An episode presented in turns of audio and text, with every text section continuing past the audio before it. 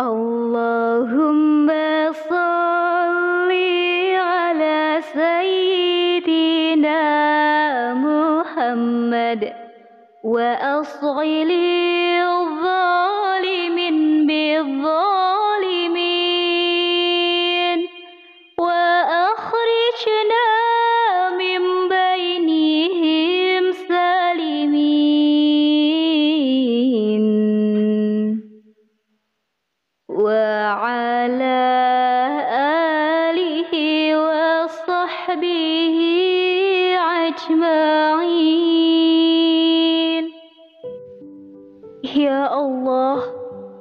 berikanlah solawat kepada penghulu kami, Nabi Muhammad, dan sibukkanlah orang-orang zalim dengan orang zalim lainnya.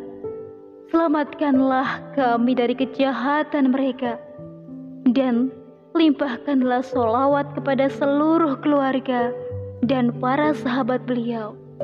Amin. Ya Robbal Alamin. What News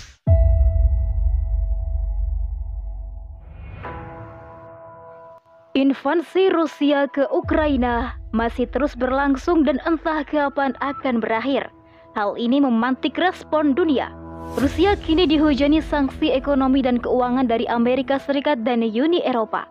Bahkan tidak sedikit kaum muslimin yang menunjukkan simpati dan memihak salah satu kubu.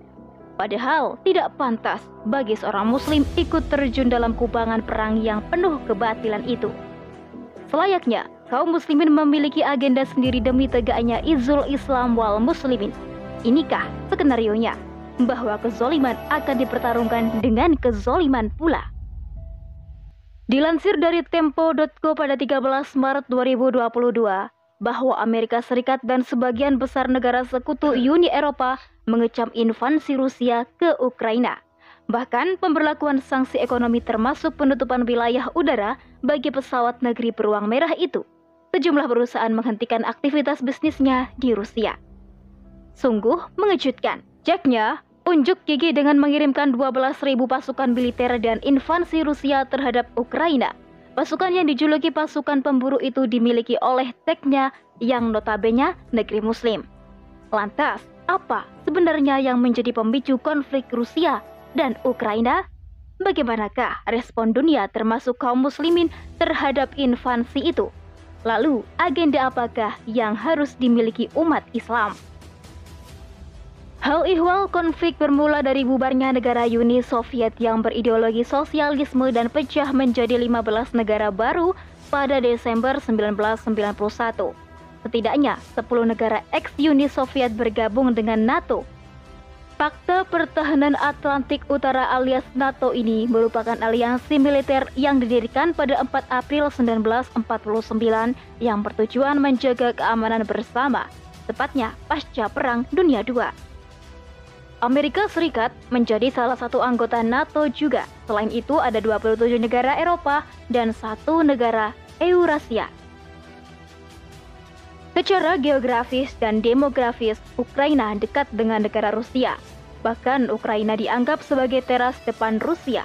Lebih dari itu, posisi Ukraina sebagai pemisah antara Rusia dengan negara-negara Eropa yang bergabung dalam NATO. Jika Ukraina sampai jatuh dalam dekapan NATO, itu berarti pertahanan terakhir Rusia ambruk dalam konfrontasinya dengan Amerika Serikat dan Barat. Inilah yang menjadikan Ukraina berbeda dengan Georgia dan Uzbekistan, walaupun ketiganya sama-sama ex-Uni Soviet. Oleh karena itu, Rusia tak segan melakukan tindakan tegas dengan menginvasi Ukraina. Rusia tak peduli dengan hujatan dunia pada dirinya bahkan tak takut dengan sanksi-sanksi yang ditimpakan Barat kepadanya. Baginya, kerugian yang diakibatkan pengkhianatan Ukraina jauh lebih besar daripada sanksi-sanksi itu. Invasi militer Rusia ke Ukraina dianggap sebagai kebutuhan geopolitik mendesak yang tidak bisa direngkuh dengan cara diplomatis. Rusia merasa terancam eksistensinya dan terusik kepentingannya di kawasan itu. Bahkan media Rusia memframing penguasa Ukraina saat ini memiliki hubungan mesra dengan Amerika Serikat dan Barat. Mereka ibarat neo-Nazi yang ingin menguasai senjata nuklir. khususnya Amerika Serikat, sangat berambisi mengerahkan rudal balistik Amerika Serikat dan mendirikan pangkalan militer di Ukraina. Tentu saja ini sangat mengancam keamanan wilayah Rusia termasuk Moskow. Adapun Amerika Serikat sadar betul bahwa Ukraina merupakan salah satu titik kelemahan Rusia. Oleh karena itu, segala cara dihalalkan di antaranya dengan melengsarkan Presiden Ukraina yang pro-Rusia.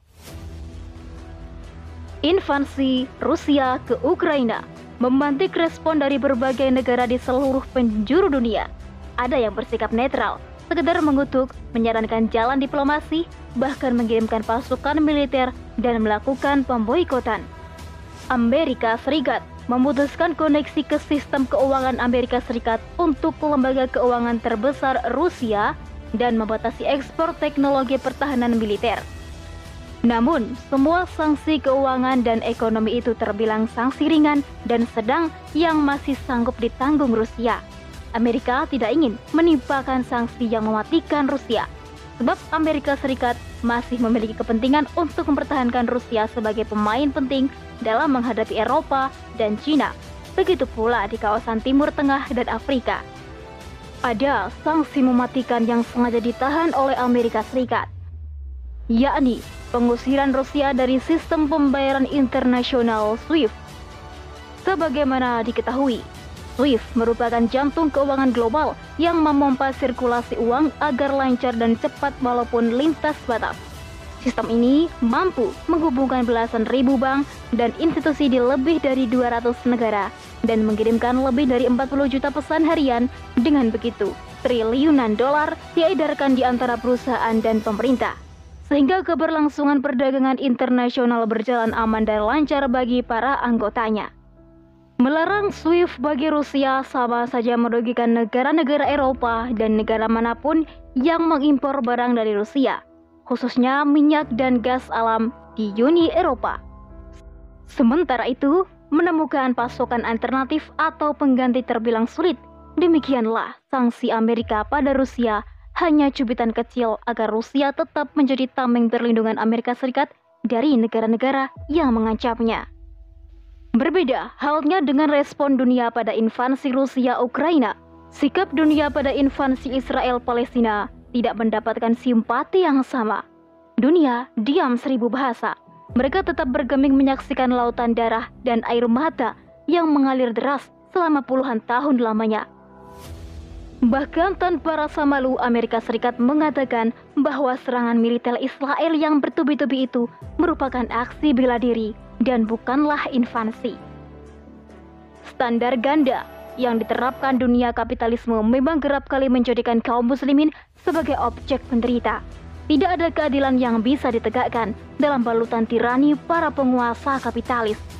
Lihat saja betapa menggelikannya narasi yang dilancarkan Rusia demi meraih simpati kaum muslimin. Mereka menggembar-gemborkan opini perang melawan entitas Yahudi, sebab Presiden Ukraina saat ini merupakan keturunan Yahudi.